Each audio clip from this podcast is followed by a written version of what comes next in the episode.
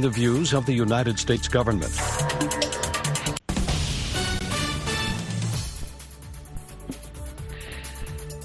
This is VOA News. I'm Tommy McNeil. Nikki Haley has won the District of Columbia's Republican primary. It's her first victory over Donald Trump in the GOP primary race. The Associated Press declared Haley the winner Sunday night after D.C. Republican Party officials released the vote totals. Her victory halts the former president's sweep of the GOP voting contest, at least temporarily. Although Trump remains the race's dominant frontrunner, there are only about 23,000 registered Republicans in the nation's capital, which actually is heavily Democratic. Congressional leaders have come out with a package of six bills setting full year spending levels for some federal agencies. The move Sunday is a step forward in a long overdue funding process beset by sharp political divisions between the two parties, as well as infighting among House Republicans.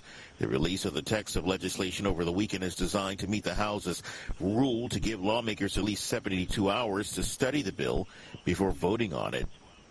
A Supreme Court decision could come as soon as Monday in the case about whether former President Donald Trump can be kicked off the ballot over his efforts to undo his defeat in the 2020 election. Trump is challenging a groundbreaking decision by the Colorado Supreme Court that said he's disqualified from being president again and ineligible for the state's primary, which is Tuesday. The resolution of the case on Monday, a day before Super Tuesday contest in 16 states, would remove uncertainty about whether votes for Trump, the leading Republican candidate for president, will ultimately count.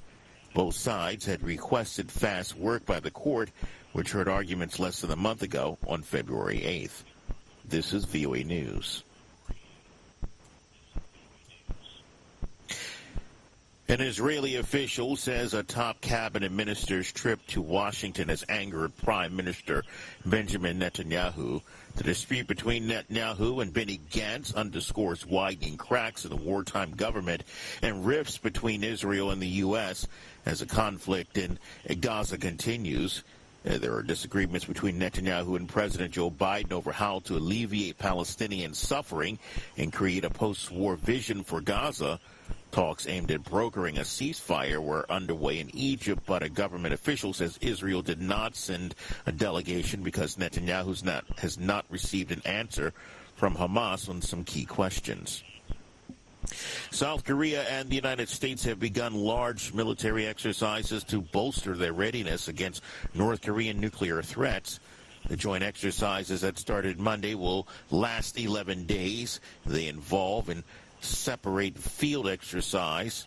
South Korea's military said last week the 48 field exercises would involve live firing, bombing, air assault, and missile interception drills. North Korea has no immediate response, but it has staged provocative weapons tests in the past in reaction to the annual U.S. South Korean exercises. It regards the major military drills as a rehearsal for an invasion. U.S. Vice President Kamala Harris led marchers in Selma, Alabama on the 59th anniversary of Bloody Sunday, saying the fight for voting rights goes on even today. Harris and Attorney General Merrick Garland were in Selma Sunday with civil rights advocates. They say fundamental freedoms are still under attack in America. Harris took marchers across the Edmund Pettus Bridge voting rights activists were beaten back by law enforcement to March or March 7th, 1965. Vice President criticized attempts in certain U.S. states to enact voting restrictions. Also, while there, Harris also called for a ceasefire for Israel and the war against Hamas. SpaceX has launched four astronauts to the International Space Station who will oversee the arrival of two new rocket ships during their stint. The U.S. Russian crew should reach the station on Tuesday following Sunday night's launch from Florida. They'll replace a crew from a U.S., Denmark, Japan, and Russia. Boeing's long delayed Starliner capsule with test pilots and a new private mini shuttle with cargo are due to arrive during the new crew's six month stay. NASA's Jeanette Epps was originally assigned to fly on Boeing Starliner. NASA finally switched her to SpaceX. I'm Tommy McNeil, VOA News.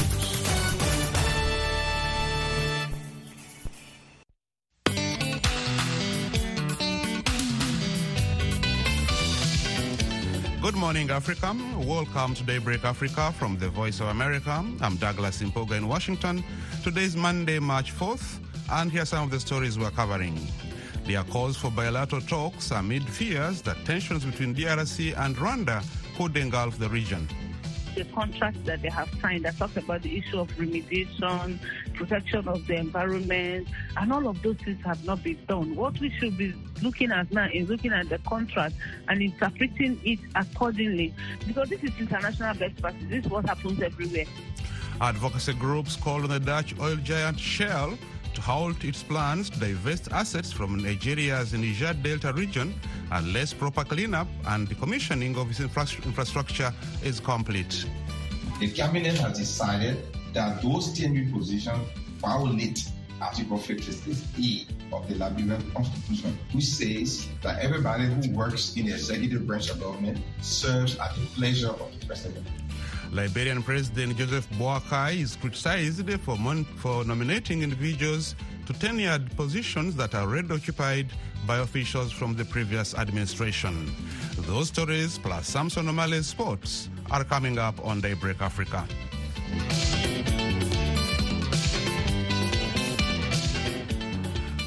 A South African soldier deployed in Congo has shot dead a colleague and then turned the gun on himself. The South African National Defense Force, which oversees the country's armed forces, said the soldier used his official service weapon.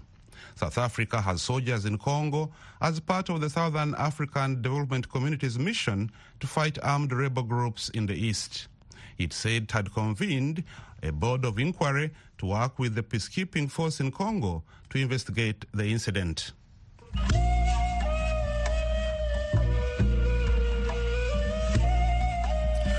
As fears grow that the tensions between DRC and Rwanda might become a regional conflict, the Congolese president, Felix Tshisekedi, traveled to Rwanda last week for talks with the Angolan counterpart, Joao Lourenco.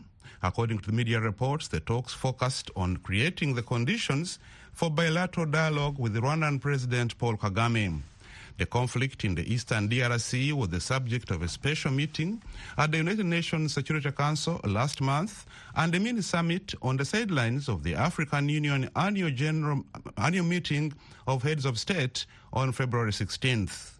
Mulengwa Hindura is the president of the Center for Political and Strategic Studies in DRC and a former spokesperson for President Joseph Kabila. He tells me that talks between the two leaders, if sincere, would reduce the tensions? Well, I think whenever there's a problem and when people start talking, that would resolve the issue. And I think that's very, very important. I think bilateral talks between uh, President uh, Tshisekedi and President Kagame are very important for the region. Uh, the problem here is to want to know how serious uh, President Kagame is to continue to respect the sovereignty of Congo. He wants more from Congo than Congo can really give him. And this is where uh, there's a problem, where he's. There are concerns among international diplomats uh, that uh, if this situation in Eastern DR Congo is not resolved, it could become a regional conflict. Do you share that fear? Yes, I think the problem is uh, already, uh, you know, has got a lot of regional implications uh, because uh, uh, the problem with uh, President Kagame is that he's got expansionist ideas, and this is a big problem for the region. And that's where really the problem lies. The problem is not that there's any looming threat for insecurity coming from another African country. Absolutely not. I think. And there, was, there, was, there were some side talks at the recent AU summit and even the UN, there were some talks about this uh, conflict in the eastern DR Congo. That, that call for an immediate talks between the two leaders to resolve the issue. Talking is good. Uh, talking is always good uh, in any kind of peace building or any time there's a conflict.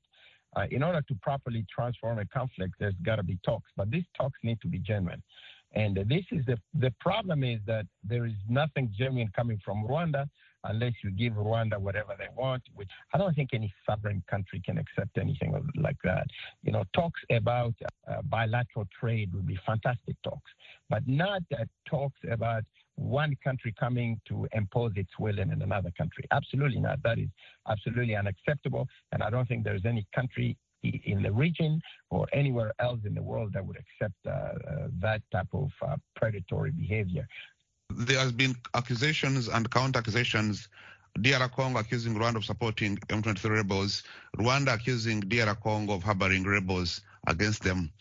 In that situation, does that make talks difficult, or is there a way of resolving those accusations?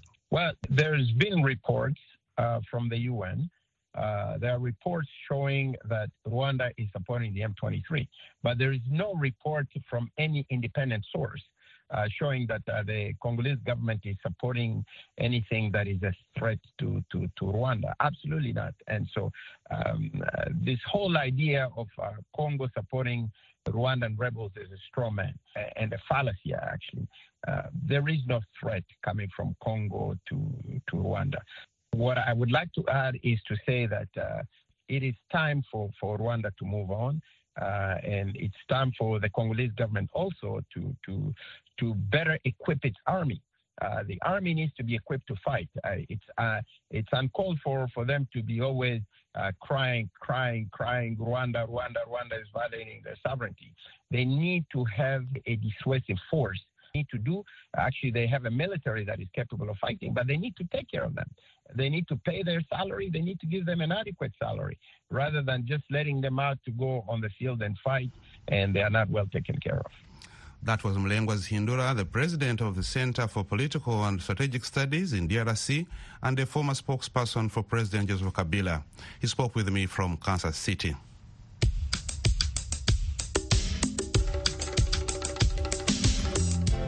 Advocacy groups are calling on the Dutch oil giant Shell to halt its plans to divest assets from Nigeria's Niger Delta region unless proper cleanup and decommissioning of its infrastructure is complete. This week, a Netherlands-based non-profit released a report accusing Shell of trying to avoid responsibility for oil spills. Timothy Obiezu reports from Abuja. The Center for Research on Multinational Corporations report entitled, quote, Selling Out Nigeria, Shell's Irresponsible Divestment, end quote, said the Dutch oil giant's divestment in Nigeria must be suspended until cleanup and decommissioning of assets are complete. The group accused Shell of trying to avoid responsibility for decades of oil spills in Nigeria's Niger Delta region that have polluted bodies of water and farmlands.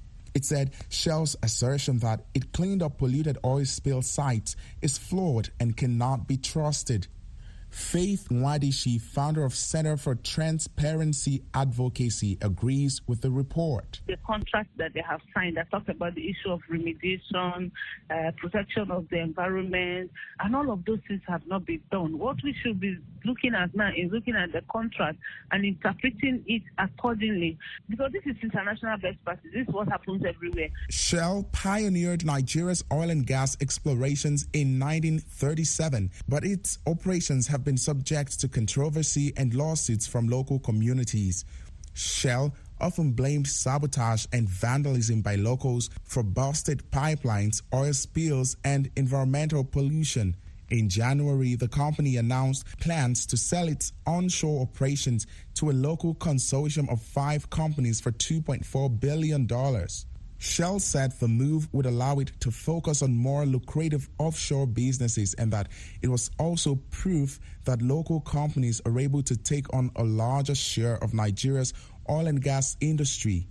But Nwadishi says if the pollution issue is not addressed, Shell's exit could set a bad example for other multinationals operating in Nigeria. Once one person does something, sets a precedent, even if, especially the bad precedences, uh, once it is set, you see other people following up. When when they do that, what it will mean is that you just set a template, a wrong template for other multinationals to go to uh, and do the same thing. And unfortunately, um, we have this judicial system that takes forever um, to, to um, take care of issues and cases like that. Under Nigerian law, Shell is expected to provide funding for cleanup and decommissioning of its infrastructure before exiting. But the report says the implementation of the law is flawed and said there is no sign that Shell is trying to comply with the law. The company has not commented on the report but recently released a list of eight cleanup operations it plans to carry out in Nigeria this year, all for spills less than 100 barrels of oil. Emmanuel Afemia, founder of Enermix Consulting, says Nigerian authorities must take the Shell divestment plan seriously. Nigeria should implement the following measures um, establish a robust regulatory framework that holds multinational corporations accountable for the environmental damage caused by their operations. Ensure that affected communities are consulted and involved in the cleanup process and that their concerns and needs are addressed. All right, um, we need to monitor and evaluate um, the cleanup process regularly to ensure that it is being done properly and transparently. VOA asked Nigeria's National Oil Spill Detection and Response Agency for comment on the Shell issue, but has not received a response. Before Shell can sell the assets in question, it must get approval from the Nigerian government. The government has not said whether it will authorize the sale. Timothy Obiezu, VOA News, Abuja, Nigeria. You are listening to Daybreak Africa on the Voice of America. I'm Douglas Mpuga in Washington. Today is Monday, March 4th. Still to come on our program, Samson Omale with sports.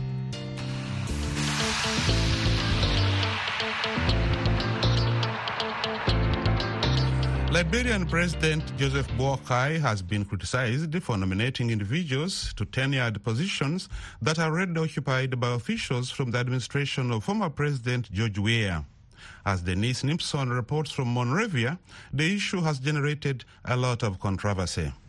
For barely a month in office, President Boakai is being accused of implementing policies that he once criticized as an opposition member. In question is the nomination of individuals to occupy tenured positions. They include, for example, the Liberia Telecommunications Authority LTA and National Fisheries and Aquaculture Authority NAFA at tenured. The law calls for those already serving tenure positions to end their term of office before a new nomination can be made. However, Contrary to his promise, the president went ahead to remove tenure officials. When the action sparked a heated debate, the president's legal advisor, Councillor Bushuben Keita, told the nation that the Constitution gives supreme authority to heads of state. The cabinet has decided that those tenured positions violate Article 56A of the Liberian Constitution, which says that everybody who works in the executive branch of government serves at the pleasure of the president. Therefore, the cabinet has authorized the president, and it has been concluded as a government policy that all of those tenured positions that are in government will be. That the president, president will exercise his authority to appoint people to any position in the executive branch of government, whether the person has a tenure or not. Anderson Miamen is the executive director of the Center for Transparency and Accountability in Liberia, CENTAL. He told VOA that the best way forward is for the president to immediately appoint someone to the office of the ombudsman to enforce the implementation of the code of conduct what we've seen uh, lately, uh, especially under the the presidency of Ambassador Boakai, appointment to positions that are already occupied. So um, the law is the law. These people have tenure. So we're calling on the president to constitute the ombudsman's office, make appointments to that office, fully support that office, so that whatever complaints the government has against officials in these tenured positions who uh, must have violated the code of conduct. The complaints can be taken to that ombudsman and they can hear the complaints Miamen criticizes the Boakai administration of wanting to do what he once criticized while in the opposition. Very UP-led government criticized former President Weah for arbitrarily removing people who were serving in changed positions. So if it was wrong then for people to be arbitrarily removed without going through due process, it cannot be right now. Especially President Boakai that has promised to deviate from the past to improve the culture of governance Senator Augustine Chea is the head of the Senate Committee on Judiciary, Human Rights Claims and Petition. He says those nominated to tenure positions will not be accorded confirmation hearings. Why should we confirm people who were in the first place appointed or nominated illegally? If We do that, and it means that we are lending credence to what was done illegally, which the president should not have done in the first place. So why should the president appoint people illegally or nominate people illegally? And we're not supposed to do that. If it's wrong there, if it's wrong there, it is wrong from the very day was done. As the situation continues to spark debate across the country, some current tenured officials have taken to the courts, while others are refusing to leave their current positions. Meanwhile, some Liberians are concerned whether President Boakai is violating his promise to promote the rule of law. For VOA's Daybreak Africa, I'm Denise Nipson in Monrovia, Liberia.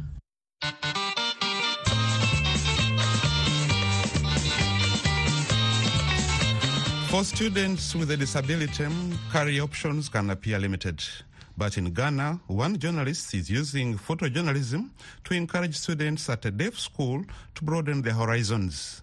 For VOA, Senanu Tord reports from Savelugu, Ghana. At 17 years old, Job Nimbi has never spoken a word. Born with speech and hearing disabilities, Nimbi and others at this Ghana school instead found their voices through photography. Nimbi says he is happy to share his life journey with the world through photos, and he wants to inspire others who live with disabilities. But Nimbi and his peers face significant challenges, including discrimination. Other hurdles are limited training and resources. Ghana's Statistical Service estimates only a fraction of the children with a hearing disability are able to pursue a higher education. Yet, Nimbi remains resolute Photography was introduced to the Savelugu School for the Deaf by Geoffrey Buta. The award winning photojournalist is on a campaign to amplify marginalized voices through visual storytelling. His project, Photo for Change, has one focus train people, assist people to tell their own story in the community they find themselves, and as well as um, using, using um, photography or visuals to um, address societal issues. Buta's Photo Club offers classes on photojournalism. In less than a year, students can take professional quality pictures by themselves and write captions. So, with the power of photography, they can tell stories around them. They can become um, visual journalists in the future. They can become broadcasters. The teachers also benefit, with the club providing easy access to visual learning materials. You have seen a picture somewhere that has connection with uh, what you are going to deliver, the lesson you're going to deliver. And so you use the camera to take that photo, bring it to the class, and then show it to the children. Then you can develop your lesson from there. Buta plans to expand his project to 10 more schools in Ghana and create exhibitions to showcase students' work. Other plans include setting up internship with media outlets. And in the long term, he wants to inspire a generation of students with disabilities to become award-winning photojournalists. Senanu Tord, VOA News, Savelugu, Ghana.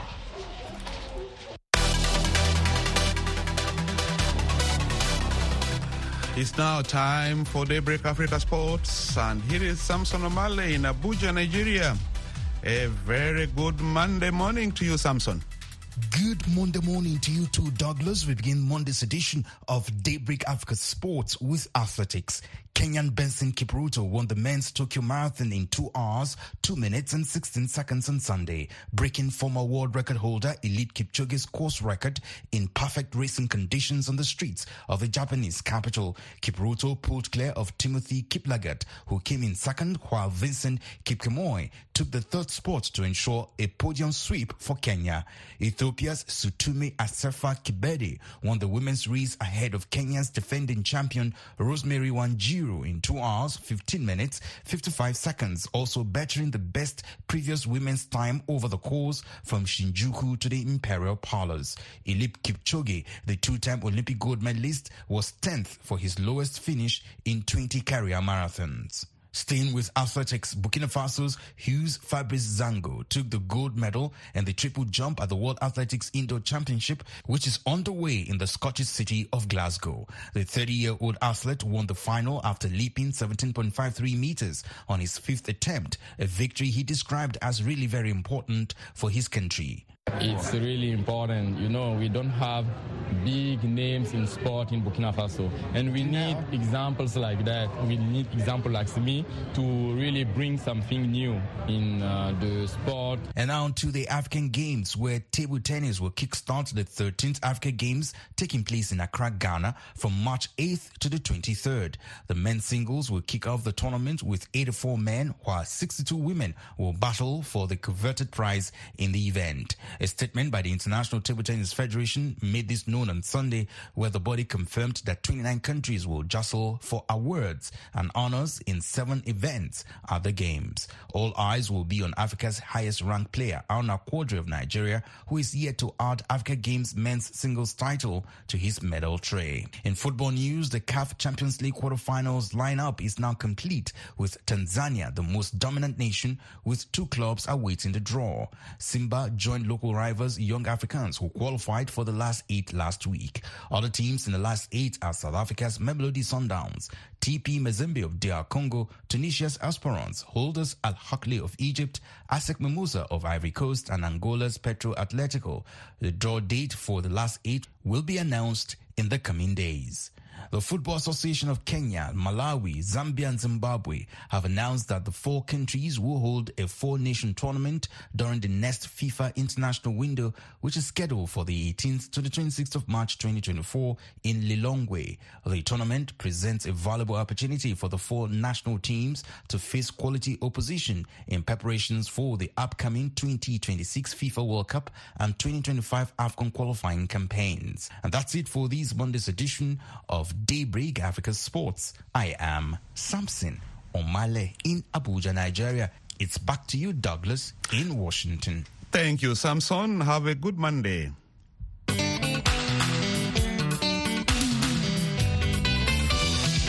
And that's it for this Monday, March 4th edition of Daybreak Africa. We thank you for starting your week with us. For more African news and features, visit our website at voaafrica.com. Connect with us on all social media platforms, including Facebook, Twitter, and Instagram. We are also on YouTube, where you can watch our TV shows, Africa 54, Straight Talk Africa, and Red Carpet. On behalf of the entire Daybreak Africa crew, I'm Douglas Mpuga in Washington, wishing you a very great week.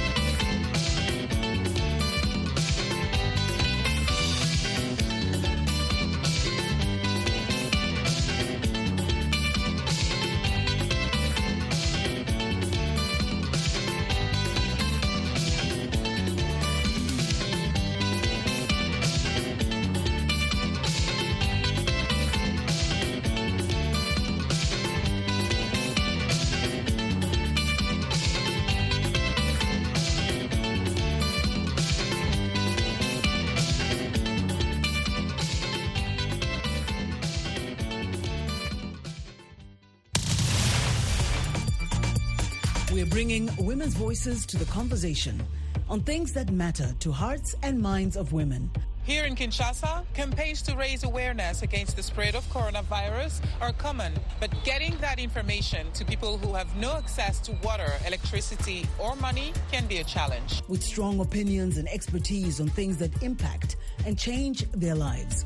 I think a big thing for me is just being able to say that when these protests are happening, uh, does it turn around into policy? From right here in the nation's capital to on the ground from all over the African continent. It really was powerful because it showed what is possible when men and women band together and say, enough is enough. We hear your voices, women's voices, our voices, and add your voice to the conversation. Each week, right here on The Voice of America,